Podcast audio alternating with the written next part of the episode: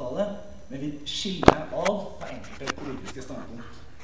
F.eks. er det overraskende, meget overraskende, og det er veldig få som vet, at begge kandidatene er for dødsstraff.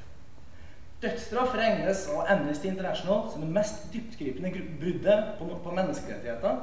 Og dette her foregår altså i total stillhet i den norske debatten. Derfor har Amnesty International tatt initiativ til, sammen med Studentersamfunnet, dette møtet og en rekke andre aktiviteter, som blir kort informert om etter møtet i dag. Så Da vil vi gjerne ønske velkommen til Johan Galtung.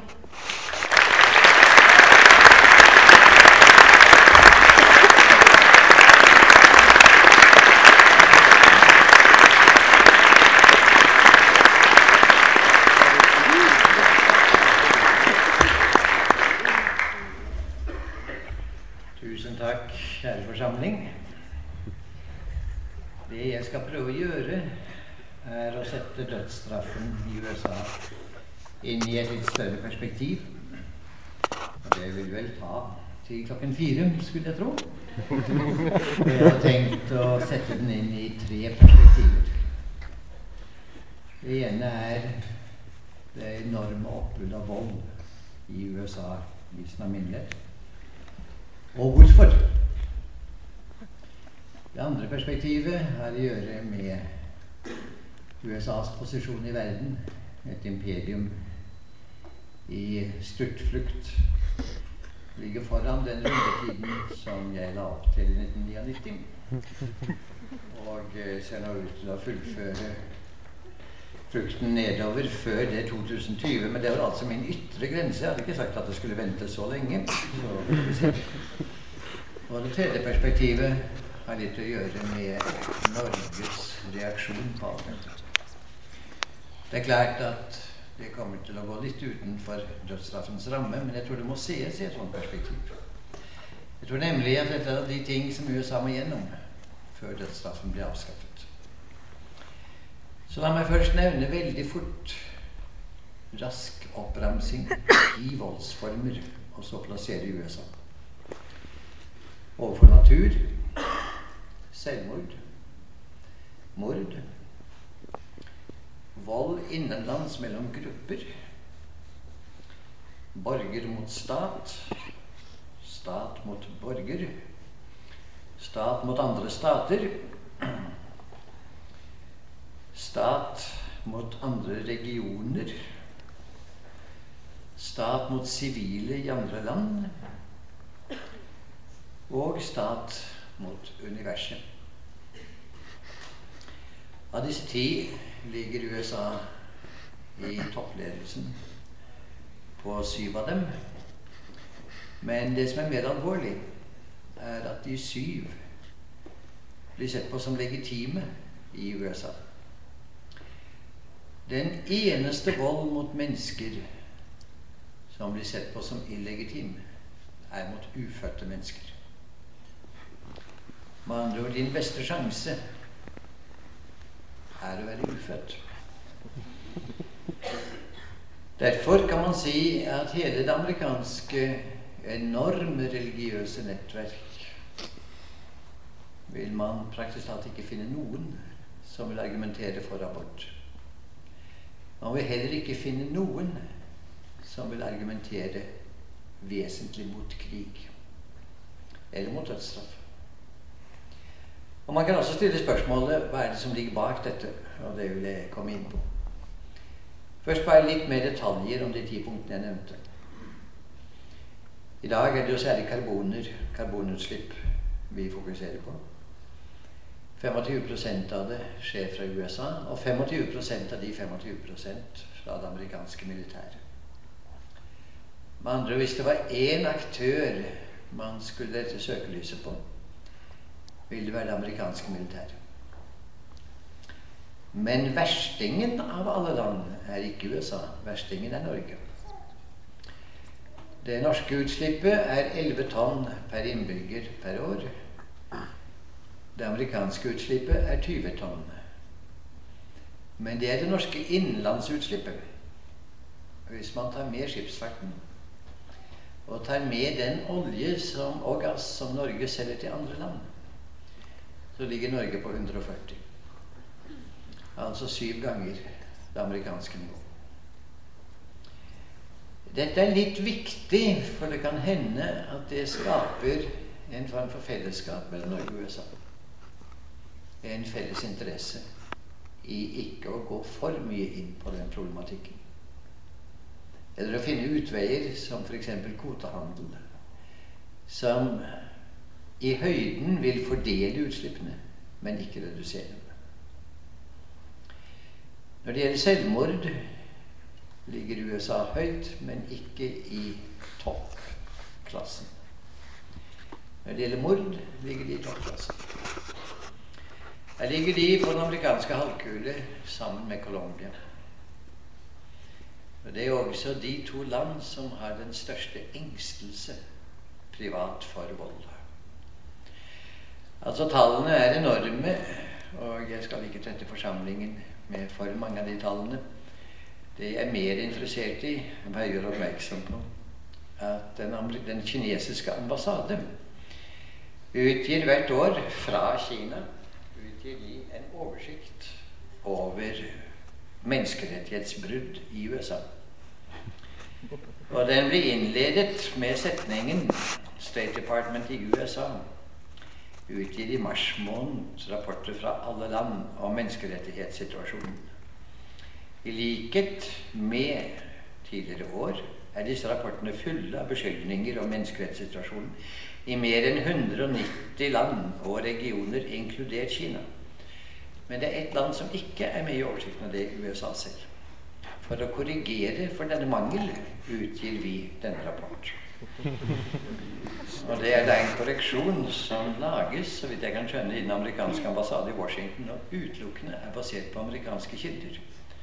De må altså ha en enorm stab som sitter og klipper hele døgnet, hele året rundt. Og de kommer da fram til slike ting som at et voldelig lovbrudd begås hvert 22. sekund. Et mord hvert 30. minutt voldtekt hvert 5,7 minutter, røveri hvert 1,2 minutt, aggravated assault hvert 36. sekund. Og Så går det da gjennom hvordan dette øker fra år til år. En viktig menneskerett er retten til liv. Og en meget viktig menneskerett er artikkel 28 som sier at ethvert menneske har retten til å bo i et land og i en verden som gjør realiseringen av disse menneskerettigheter mulig. Fordi det begås så mange menneskerettighetsbrudd mot menneskeliv, er altså begge disse artikler truet i USA på samme tid. Hvis man nå ser på grupper så tenker jeg på de 5000 lynsjinger av fargede svarte, svarte amerikanere. Og jeg tenker på sånne perverse ting som at et lynsjet lik ble plassert på podium eller på scenen i en kino, og at folk hadde revolvere med seg og ble oppfordret til å skyte på liket.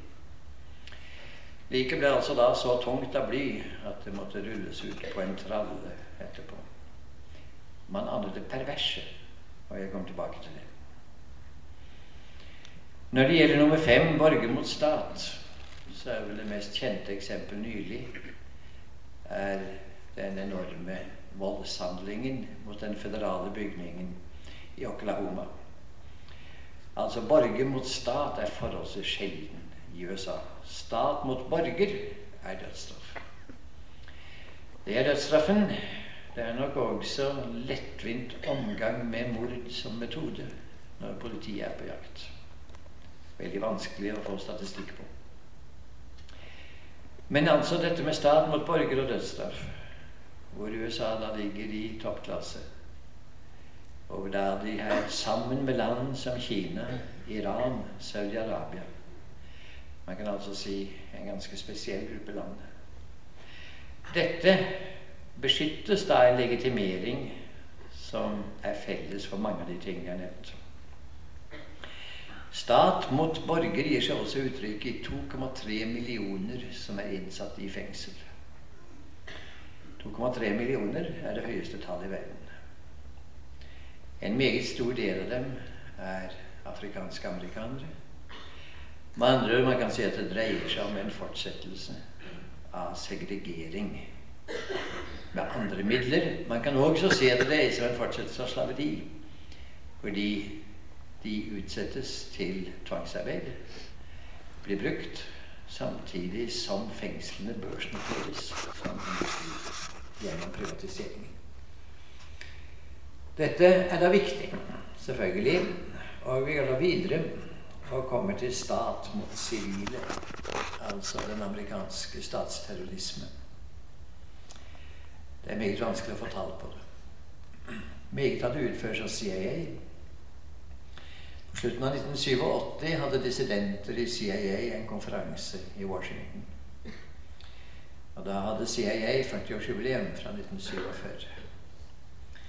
Og På det tidspunktet mente dissidentene å kunne legge fram bevis for at seks millioner var blitt drept. Hvem, hva slags mennesker var det som på denne måten fikk dødsstraff? Småfolk. Fagforeningsledere. Kooperativbønder. Altså folk som på en eller annen måte utfordret det økonomiske systemet. På en eller annen måte Det skjedde spesielt i Latin-Amerika, men også og i, spesielt da i Andesfjellområdet. Men også i Afrika syd for Sahara og i Syd-Asia og i noen grad i Sydøst-Asia. Med andre ord ekstrajudisiell henrettelse.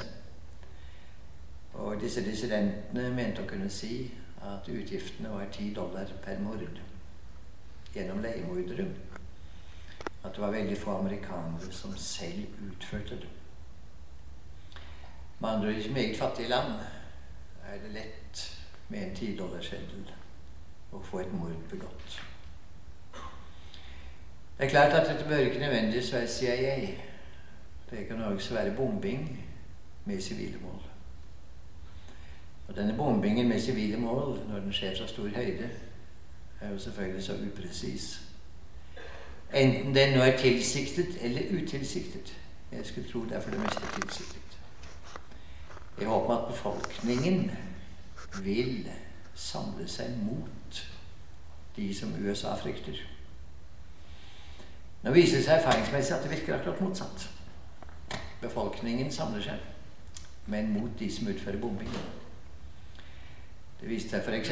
under den angloamerikanske terrorbombingen, statsterrorisme i Tyskland, hvor de drepte 600 000, for det meste kvinner og barn, at resultatet ble akkurat det motsatte av det de hadde håpet på. Det ble en samling om nazistpartiet og om Hitler og et hat mot Anglo-Amerika uten like.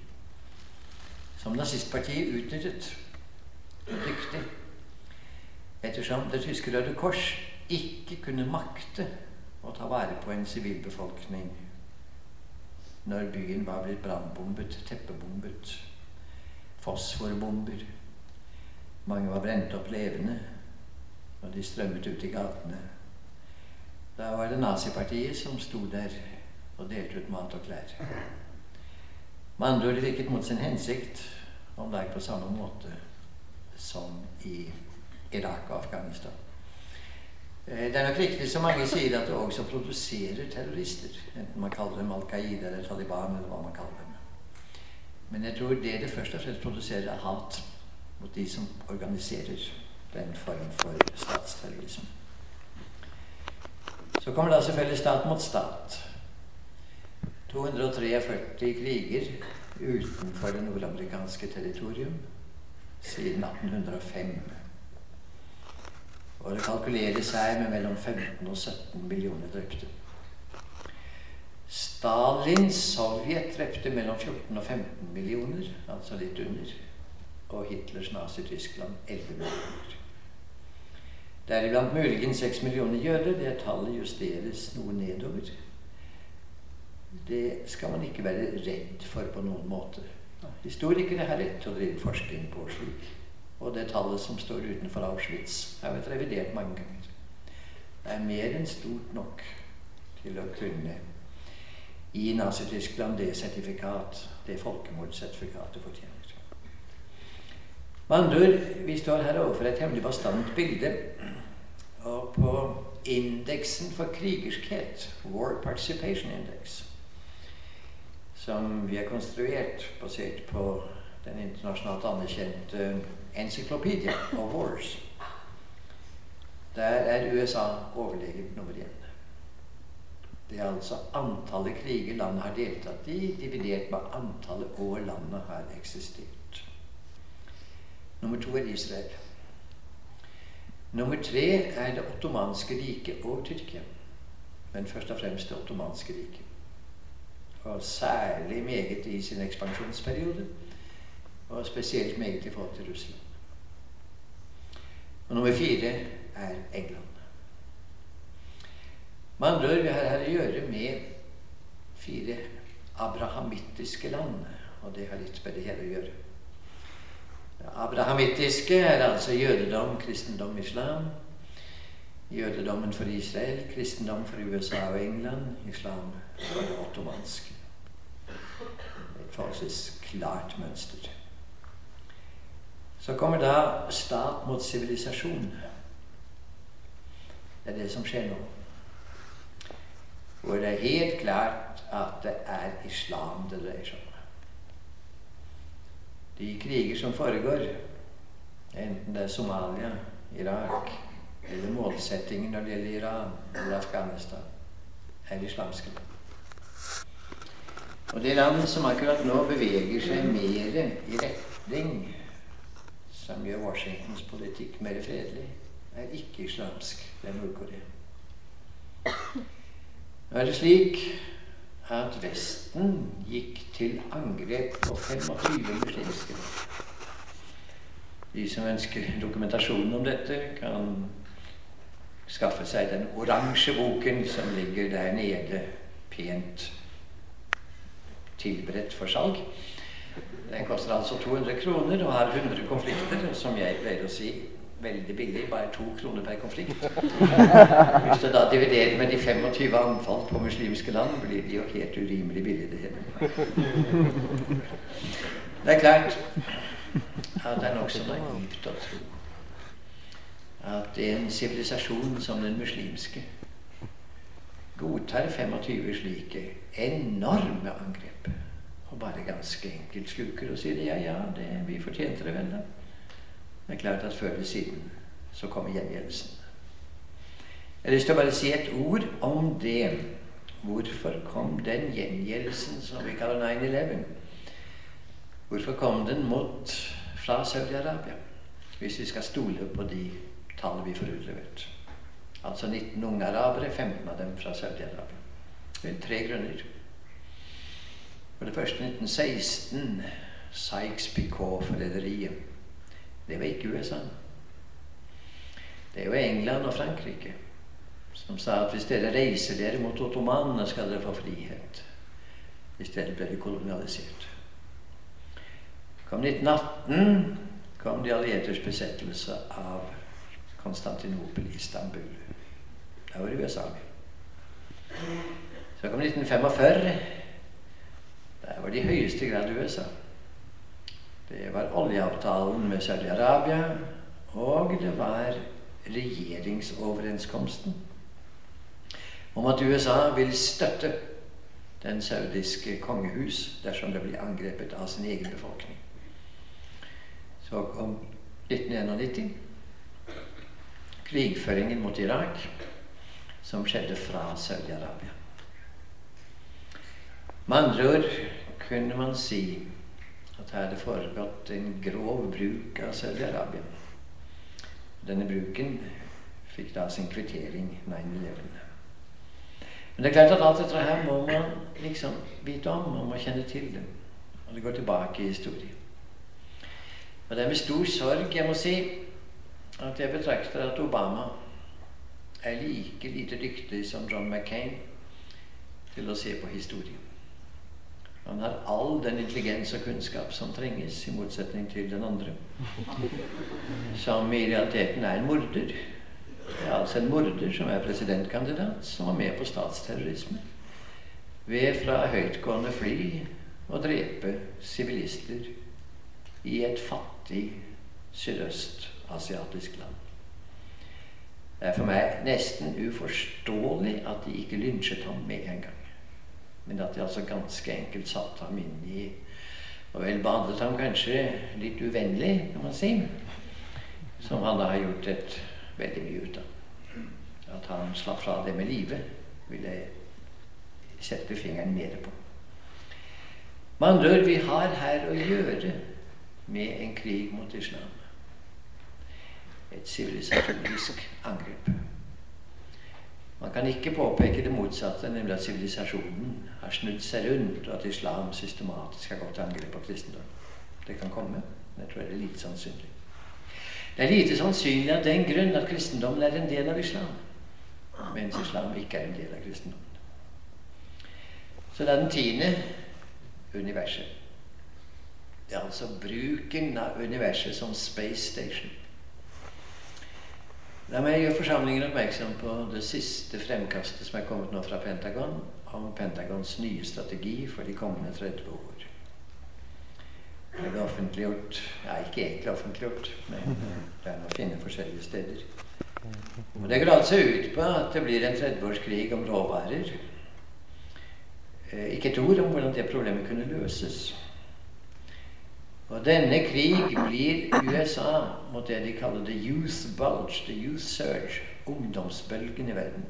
Det produseres ifølge Pentagon altfor mange unge mennesker i verden. I den farlige alder 18 til 30. Altså den alder som er representert her i denne sal. Den verst mulige alder. Slyngelalderen. Og denne aldersgruppe antas å være antiamerikansk, og metoden består i, ettersom USA ikke produserer så mange unge mennesker, består metoden i å plante uuniformerte amerikanske soldater i ungdomsbølgen rundt i verden for å vite hva som foregår, med et kontrollpanel for robotiserte våpen. Noen av dem da går via universet, spesielt med GPS, men også med stasjonering. For så, der hvor det beveger seg antiamerikanske ungdomsbølgen, å kunne gripe inn med våpen. En tanke at en annen part kanskje være i stand til å avsløre denne personen. Og hvis de er forholdsvis gode f.eks. til å komme inn i Pentagons computere, så kan de vel kanskje greie dette systemet også. Den synes ikke å ha slått dem. Så man finner den typiske amerikanske strategi udialektisk tenking. Dette enorme voldsoppbud har etter mitt skjønn tre kilder. Og jeg tror dødsstraffen må ses i det perspektivet. Kilde nummer én er det klare mandat fra Gud. Men det må være den amerikanske stat som gjør det. Derfor finnes det intet mandat fra å begå selvmord og mord og heller intet mandat til borgere for å gripe inn overfor staten. Men staten kan gripe inn overfor borgere. Jeg tror at det de først og fremst tar imot abort, er ikke så meget beskyttelsen av det ufødte liv, men det er tanken på at det ikke er staten som gjør det. Tanken på at til og med en kvinne skal kunne bestemme over det som skjer i henne er en utenkt tanke innenfor dette. Men Gud har gitt den amerikanske stat et mandat. En exceptionalism. Og dette skjedde i 1620. Og det ble tatt rett ut av Første Mosebok. Og tanken var, som jeg flere ganger har sagt i denne sal, og historisk meget påvisbar, av Cotton Mather, presten og John Winthrop, som ble guvernør i Massachusetts. At denne rett ga Gud til de jødiske folk, men de forspilte retten. Det er derfor det ikke finnes noe Sion, noe Israel, i 1620. Det finnes ikke. Altså går retten over på de som vil følge den covenant, den pakt, som blir satt opp. Og den pakt består selvfølgelig av å overholde de ti bud. Altså, pakten gikk dermed over på puritanerne.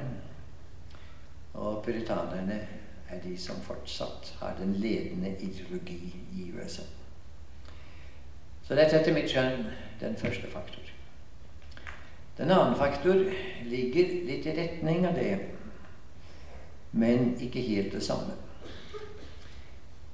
Hvem var det som kom fra England og ble det ledende sjiktet i USA?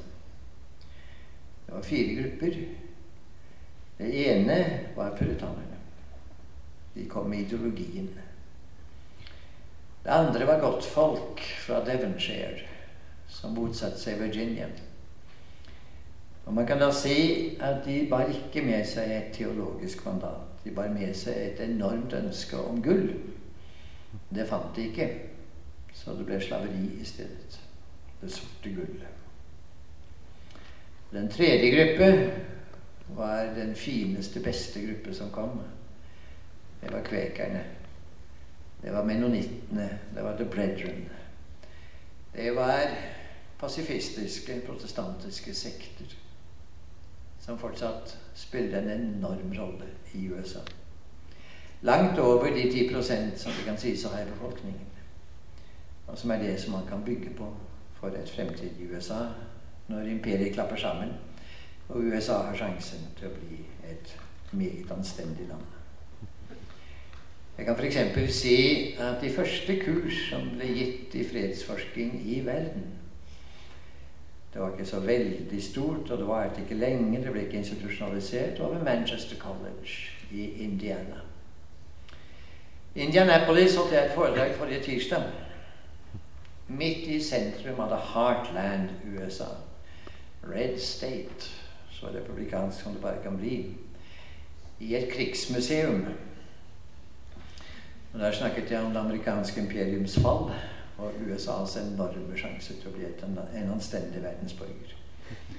Og jeg hyldet Manchester College.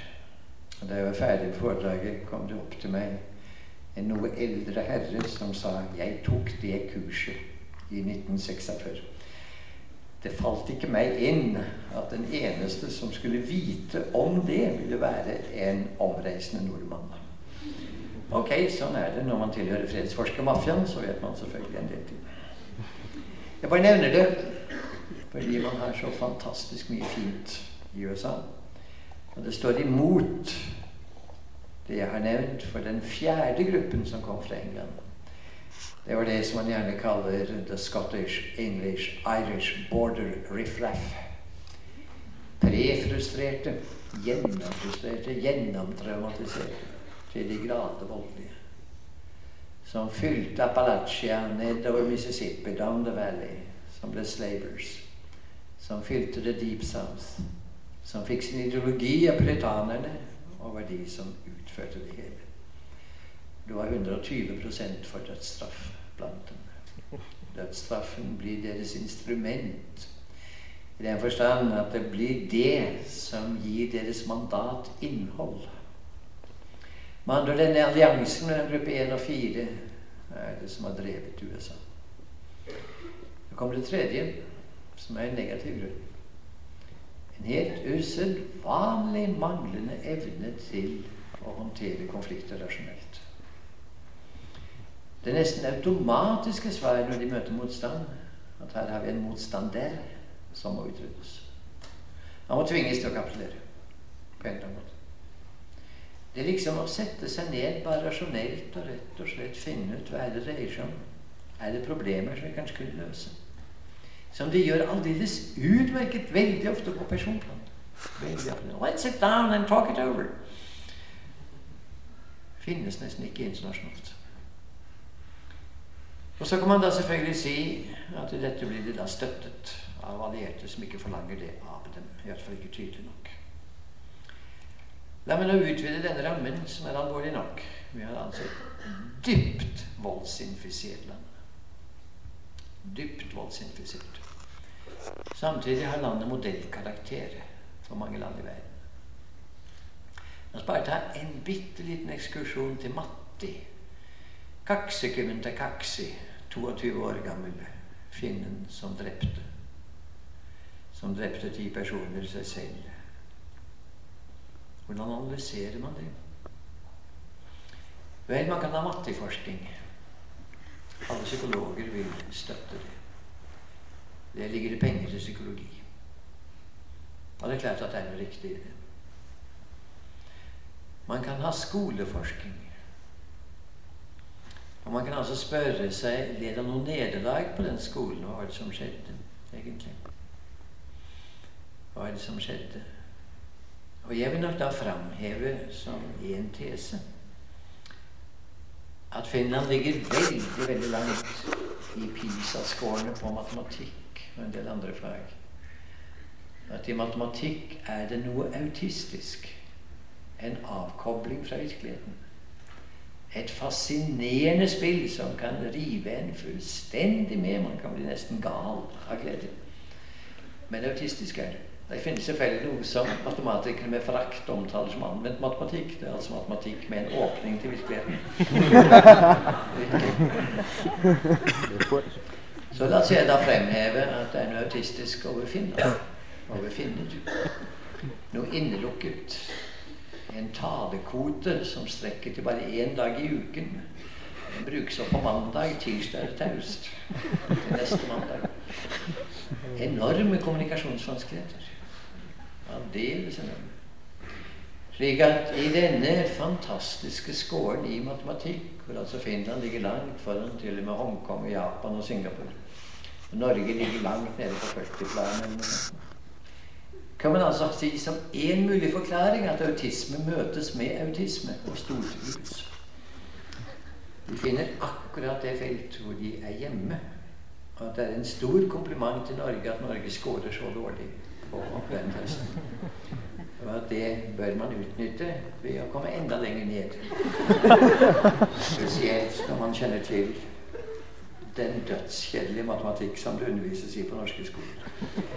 Men la meg nå ta den kjepphesten til side, fordi dette med analysenivået er viktig.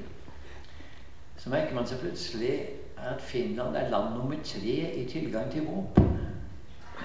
Nummer én er selvfølgelig USA. Nummer to er Jemen. Nummer tre er Finland. Ja, denne våpentilgang den legitimeres gjennom helt usedvanlig store mengder småvilt, meget små, som da skal drepes av disse våpnene. Og Der kan man jo selvfølgelig si at hvis man har vanskeligheter med å kommunisere med ord, så kan man kanskje kommunisere med våpen i stedet. At det kanskje var noe sånt som foregikk. Men så kommer da på megaplanet kommer USAs modellkarakter. Altså dette med modellkarakter betyr at man normaliserer ting. Kan nok se ille ut, men når USA gjør det, så er det normalt og menneskelig. Denne modellkarakteren når det gjelder å gå inn med en gevær, mitraljøse, med en pistol, med en hand weapon av en eller annen slag, og ganske enkelt skyte ned og drepe de som er der. Det har vi jo sett fra USA et par ganger. Altså normaliseres det. Dette er punkt fire er nå USA i ferd med å miste. Det er i ferd med å bli ikke bare miste modellkarakter, men bli en ikke-modell, til og med en antimodell. Magien er slutt. Det er klart at alle ser i dag at det skjer noe med økonomien. Det er velkjent. Da jeg i 1999 laget en liste på 15 faktorer som ville bringe nedgangen til USAs imperium, ble dette nummer to. Og motsetningen mellom realøkonomi og finansøkonomi. Når realøkonomien er dårlig, folk har liten kjøpekraft. Økonomien transporterer enorme mengder likviditet opp av disse systemene. Vil det oppstå en differensiert finansøkonomi med spekulasjoner. Den lager da produkter av en type som er til de grader esoteriske, som de ikke selv engang skjønner. Disse produktene svirrer da rundt. Så man får altså et lån, da. Man gir et lån til en som skal kjøpe et hus. Han har selvfølgelig ikke dekning for det lånet. Men banken selger lånet med en gang til en annen bank, som heller ikke har penger å betale med. Og som da går til en tredje bank i håp om at den tredje bank kan finne en fjerde bank slik at det kommer litt penger tilbake til den første banken som betalte for lånet i sin tid. Altså Alt dette går da krysser grenser og går veien rundt. Og dette har vi opplevd. Man kan snakke om økonomisk vold, og vi høster nå konsekvensene av det. Enkelte land er mindre involvert i det. De har nå en nedgang og vil antageligvis, vil jeg tro, komme seg opp nokså tidlig. For i USA kan dette antakeligvis føre til en sterk devaluering av dollaren. Og en dypkrise er de allerede i. Når det gjelder deres militære situasjon, så regner man nå som nokså sikkert 1,5 millioner drepte i Irak. Og at alt dette går gjennom sirkler hvor de ikke engang oppnår sine økonomiske mål. Et økonomisk mål var olje. Ikke bare for selv å kunne utnytte og selge og profitere på oljen, men for å kontrollere oljetilgangen til Europa, Russland og Kina. Irak har nå gjort sin første store oljehandel. Det skjedde for en måneds tid siden. Tre milliarder dollar, altså forholdsvis stor, ikke av de aller største, til Kina. Men ikke engang det har de oppnådd. Det kom til det punkt at en amerikansk senator klager over at ikke bare har de holdt opp å lystre oss, de er ikke engang redde for oss. Skulle i hvert fall være redde, disse slampene rundt omkring. Med andre ord det går dårlig økonomisk, det går dårlig militært. Politisk er det store land i EU og EU som helhet som de greier ikke å få til, til å lystre. Latin-Amerika har de mistet i enda større grad. Forslag om økonomisk samordning som for bare ti år siden ville hatt bare én motstander, la oss si 15 år siden, nemlig Cuba, har i dag bare to tilhengere, Peru og Colombia. Peru kommer nok også snart til å skifte karakter, bl.a. med litt norsk hjelp.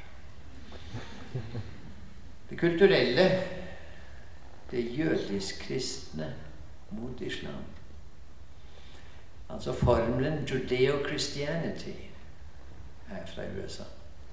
Den bindestreken utelukker islam. En bindestrek rettet mot islam. Uklokt. Meget, meget uklokt. Den dype sympati og medfølelse for jødene skulle ikke ha ført til å ekskludere muslimene. Og så det sosiale den dype mistillit til den statskorporative elite verden over. Ennå ikke USA. Det er ennå så å si et mysterium som trenger sosiologisk forklaring. At ikke f.eks. de 20 millioner familier som er affisert av boligkrisen At de ikke ganske enkelt strømmer ut i gatene i en massedemonstrasjon. Slår en ikke-voldelig sirkel hvert, rundt hvert hus som skal auksjoneres bort. Og oppfordrer til boikott av banker. For at de bankene som har oppført seg verst, skal straffes på den måte markedet sier, nemlig ved at kundene unnsier det. Og dermed fremme kan man kanskje tanken om den gamle banken hvor et lån var et tillitsforhold mellom den banken alene og kunden. Vel, jeg nevner dette fordi her er det sterke ting som er ute og går. Og disse tingene vil gjøre dødsstraffen mer sannsynlig i fortsatt noen år. Til det på en eller annen måte oppstår et eller annet sted i USA en eller annen kraft som sier Friends, this is about enough. Jeg har en modell om hvordan det kunne komme til å oppstå. Jeg tror ikke det blir en presidentkandidat. Jeg tror systemet er ute av stand til å reformere seg selv. Og jeg ser med sorg på en Obama som har ikke greid det som Håkon Lie greide 103 ganger, nemlig å oppdage at det var palestinere i verden. Man kan si han burde oppdaget det før, at det ikke nødvendig med 103 år for å komme frem til det. Og jeg tenker med litt skrekk på vår nåværende utenriksminister, som bare er 48, og som altså har 55 år før han kommer til å oppdage det. Hvis det, hvis det skal gå med vanlig arbeiderpartifart. Hvis det er liksom regelen det skjer etter. Den modellen jeg har, ser om lag ut som følger i de 50% som ikke stemmer, finnes det enorme kilder av folk som noterer akkurat at Obama ikke bare ikke har oppdaget palestinere, men samtidig har omfavnet The League of Democracies, for dermed å gi dødsstøtet til FN, som de har jobbet med lenge, og som er tilhenger av Georgia og Ukraina inn i Nato.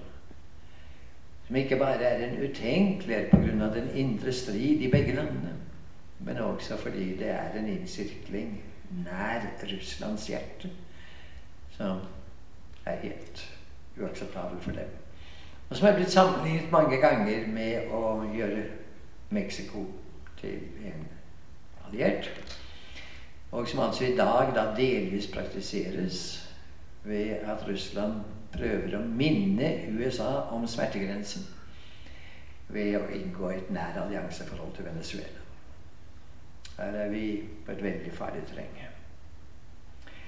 I denne situasjonen er det da med også stor sorg man ser at Obama har falt for tankegangen at det er i Afghanistan verdens terrorisme har sin årsak. Absolutt ikke. Ta en titt på de 25 angrepene på islam. Ta en titt på hva USA har gjort rundt i verden. Alle de steder vil oppstå den tanke at dette skal vi se litt nærmere på. Dette skal vi gjøre om igjen. Hvis USA er helt uvillig til å be om noe unnskyldning, skal vi gjøre noe med det. Fra Italia kom det en unnskyldning for tre uker siden for angrepet på Libya. Meget, meget klokt av Italia. 2011 ville nemlig vært 100-årsjubileet for den første statsterrorisme fra luften italienske bombefly mot kvinner og menn i oaser i Libya. Meget klokt. Akkurat som Kevin Rudds briljante, kunstneriske unnskyldning til aborigines i Australia. Det er mye jobbing for USA å gjøre på det feltet. Mye jobbing og også, som jeg ofte sier i USA, fantastiske muligheter for amerikanske historikere til inntekter ved å skrive om alle historiebøker. Og det går grunn å skrive om de fleste. Men det som jeg nå selvfølgelig legger opp til, er tanken om at på et eller annet punkt vil det oppstå Cindy Sheehan ganger en million. Og det interessante ikke var at UD ikke fant seg i at en statsråd skulle inn et pris. Det er det man venter seg av dette klakørapparatet i et forpudlet land. Det venter man seg, men det var med sorg jeg noterte at hun ga etter. Skulle hun ikke ha gjort. Med andre ord, vi står her overfor et system hvor det offisielle systemet med presidentkandidater er ute av stand til å reformere seg selv. Altså vil det oppstå i det andre USA en karisma som antakeligvis vil gi seg uttrykk i form av enorme mengder lokale initiativer blant de 4000 kommuner de femte stater, for tiden ikke Alaska, de 50 stater, de 49 stater, og de utallige ikke-regjeringsorganisasjoner som ganske enkelt sier 'forget about Washington'. Her er en alternativ politikk. Det er mitt tips. Jeg skulle anta at det blir en kvinne som kommer til å lede det skulle ikke være forbauset om hun ikke er hvit. Hun kommer ikke til å være puritansk, engelsk, skotsk, irsk riffraff. Og Der må man jo da prise USA for det kulturelle og rasemessige mangfold landet har, som kan produsere sin egen motgift. Men jeg vil nå slutte med et par ord om smertegrensen i Norge. Det er det ikke boken 'Norge sett utenfra' som er om akkurat det. Der står det veldig mye pent om Norge, men det står ikke noe pent om norsk utenrikspolitikk. Det står det ikke. Den blir kalt NUL. Null. Null. NUL. Og nullet står for tankevirksomheten. Først og fremst i et forpudlet land. Og jeg har gitt uttrykk for i andre sammenhenger at jeg i grunnen lengter tilbake til Jan Pettersen fordi der var det overensstemmelse mellom form og innhold. Altså et temmelig tvilsomt innhold i norsk utenrikspolitikk uttalt på et temmelig tvilsomt norsk. Mens med den nåværende utenriksminister kommer det med flytende eleganse og dekker over det som skjer. Og det som skjer, er at norsk utenrikspolitikk har én enkel setning. At USA er vår garantist når russere kommer. Alltid er det russerne. Og derfor må vi være gode venner med USA. Det er nå kommet ut i USA en bok om de 269 brudd på folkerett i amerikansk krigføring i Irak og Afghanistan. Forfatteren Michael Haas, akkurat hvordan han kom fram til 269 ja, ja, man kan kanskje telle, kanskje få 268 eller 270. Men det er enorme mengder. Og Det som altså da går frem, er at det er både at de bryter normen mot aggresjon, at de bryter normene for hvordan man fører krig. Kan Norge leve med det? Kan man leve med at man blindt godtar en alliert som ikke bare bryter menneskerettigheter i enorme mengder, dermed retten til ikke å har fratatt sitt liv av staten? Kan man leve med det? Vel, tydeligvis har man greid å leve med det hittil. Og jeg merker meg hvordan de som argumenterer for at man fortsatt er avhengig av USA som sikkerhetsgarantist, systematisk unngår og kvier seg for enhver debatt om USA. De kaller det realisme. Det kan jo hende at de motsigelser som USA har, er det som gjør at USA nå driller seg ned i dette hullet og ettersom de selv antakeligvis er ute av stand til å få seg selv ut av den økonomiske krisen, kan det hende at de kommer til å bli temmelig lenge i det. Skal jeg si et par ord til om det? Sett at USA lanserte massiv keynesianisme. Sett at de tok halvparten av Pentagon-budsjettet og lanserte massivt offentlig arbeid for å utbedre skrøpelige veier, broer, bygge poliklinikker, skoler, alt slikt. Og ja, ga jobbene til de minst privilegerte i samfunnet. Ikke til working class whites, som vil finne sine jobber. Men ga dem til the First Nations. Ga dem til fargene. Ga dem til de lengst nede de som er nesten håpløst fortapt nederst nede i det enorme samfunnet. Ja, hvis USA gjorde det, så ville de gjøre nøyaktig det Kina gjør i Afrika. Kina gjør det med sine motiver, nemlig å garantere sine råstoffer. Hvis USA gjorde det, ville de også gjøre det med sine motiver, nemlig å få den amerikanske kapitalismen til å fungere igjen. Det vil altså være kensianisme. Da kunne man da samtidig erklære en dødperiode i det amerikanske bankvesen. Der hvor det gikk galt. Ganske enkelt erklære alle boliglån inngått i den periode for ugyldige. Staten overtar dem. Ownership. For ownership av banker. Og fritar da både låntakere og banker for sin undergang. Mye av det vil være urettferdig. Mange av dem vil antakeligvis fortjent en form for smekk. Også blant låntakerne. Jeg tror det er småting som man skal se bort fra når systemet har fungert så gigantisk dårlig. Vel, jeg tror altså ikke at det demokratiske Republican Consensus kommer frem til dette. Jeg tror derfor den amerikanske økonomi kommer til å fortsette.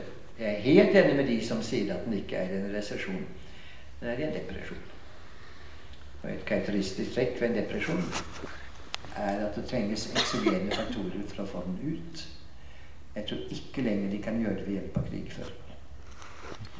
Men dette lever altså Norge på. Norge godtar det, og jeg vil avslutte med å gi de ti viktigste løgner som USA har gitt verden for å prøve å rettferdiggjøre det systemet de har. Den krigføringen de går inn for. Og så kan enhver da gjøre det som Rune Ottosen og jeg har gjort et par steder. Eller gå inn i norsk presse.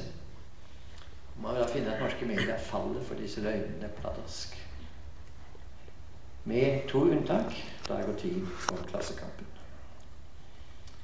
Vietnam, Tonkin Bay, 1964. Det fantes intet angrep på noe amerikansk skip. Løgnen førte til en krig med tre millioner drepte. De fleste drept av USA. Grenada 1983. Det fantes intet forsøk på å installere en sovjet militærbase. Det som imidlertid fantes, var at USA var livende redd for et regime som ville omdisponere den økonomiske fordeling. Hans invasjon. Nummer tre Panama 1989. Det fantes ingen narkotikaomsetning av betydning. Det som Noriega sto for, var nasjonalisering av kanalen. Den kom senere, etter hvert forsøk fra Panama på å forpurre det. Irak 1991. Det fantes ingen kuvøser for eh, barn født for tidlig som ble hevet ut på gulvet, og kuvøsene ble tatt til Irak. Men det som skjedde, var at det ble brukt som et påskudd for krigen 1991.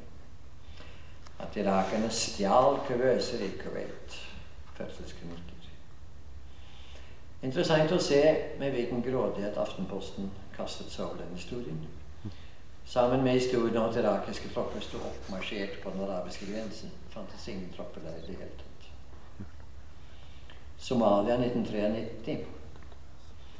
Det var Bernay Kushner, Leger uten grenser, en totalløgner, som sammen med USA da lanserte tesen om at her måtte det interveneres militært for å løse hungerkatastrofen.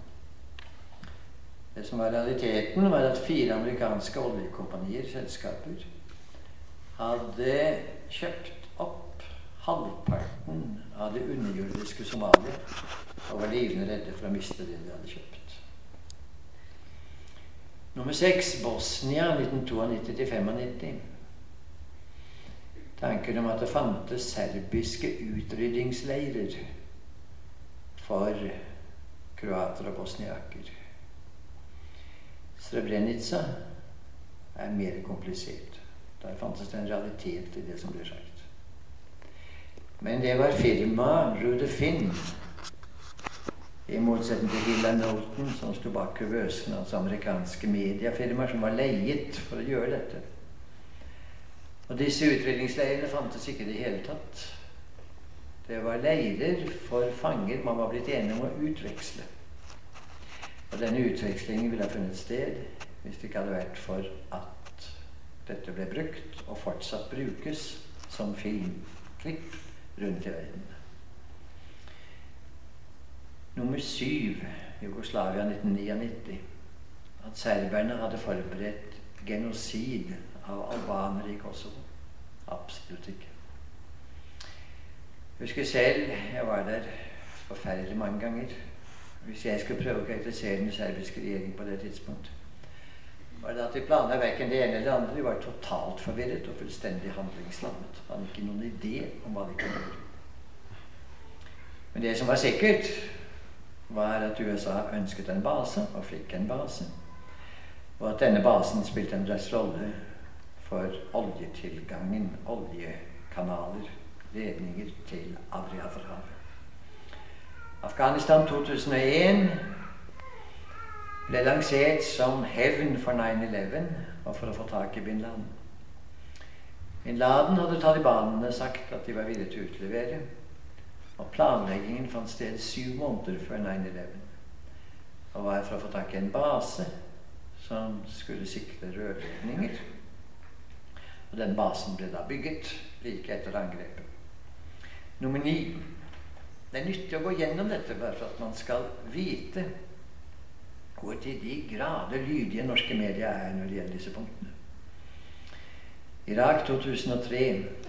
At Saddam hadde farlige våpner, våpen, masseødeleggelsesvåpen. Og at Colin Powell, som da hadde test tube in his hand, da oppfordret til et motangrep, samtidig som de hadde Al Qaida-forbindelser. Det er det nokså kjent at dette var løgn. Det var plantet løgn. Og at det de ønsket, var olje, spesielt kontroll av olje til Europa, Kina, Russland. Nummer ti Venezuela, Ecuador. Nøyaktig det samme. Nøyaktig det samme der hvor det foregår nå en enorm demokratisk reising rundt over hele Latin-Amerika. Nesten hele Latin-Amerika. Ble pressen konsentrert om én person, Hugo Chávez, som etter mitt skjønn snakker altfor meget.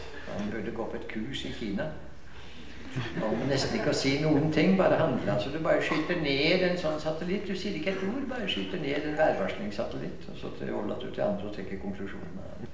Jo mindre du sier, jo bedre. Men alle disse løgnene går. Altså, Norge er på avveier. Denne kritikken som vi da her, her så briljant reist av Amnesty International mot dødsstraffen peker på et helt sentralt punkt. Og det sentrale punktet er etter mitt skjønn mandatet fra Gud. At USA har rett til å gjøre dette. Menneskerettighetene er helt klare på dette punkt. Ingen uvanlig, grusom, ydmykende straff. Det er derfor de aller fleste land trekker den konklusjonen at de opphever dødsstraffen. Den konklusjonen som EU-land f.eks. har trukket. USA trekker ikke den konklusjonen, og begrunnelsen for det er at det ville være å sette FN over Gud. Og at enhver som leser både Det gamle og Det nye testamentet, vil finne ut at den jødisk-kristne Gud er den straffende Gud. Det finnes nok også elementer i den islamske Gud i den retning.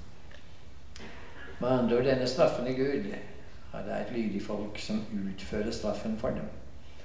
At det de gjorde i Hiroshima, var ikke en del av en krigshandling.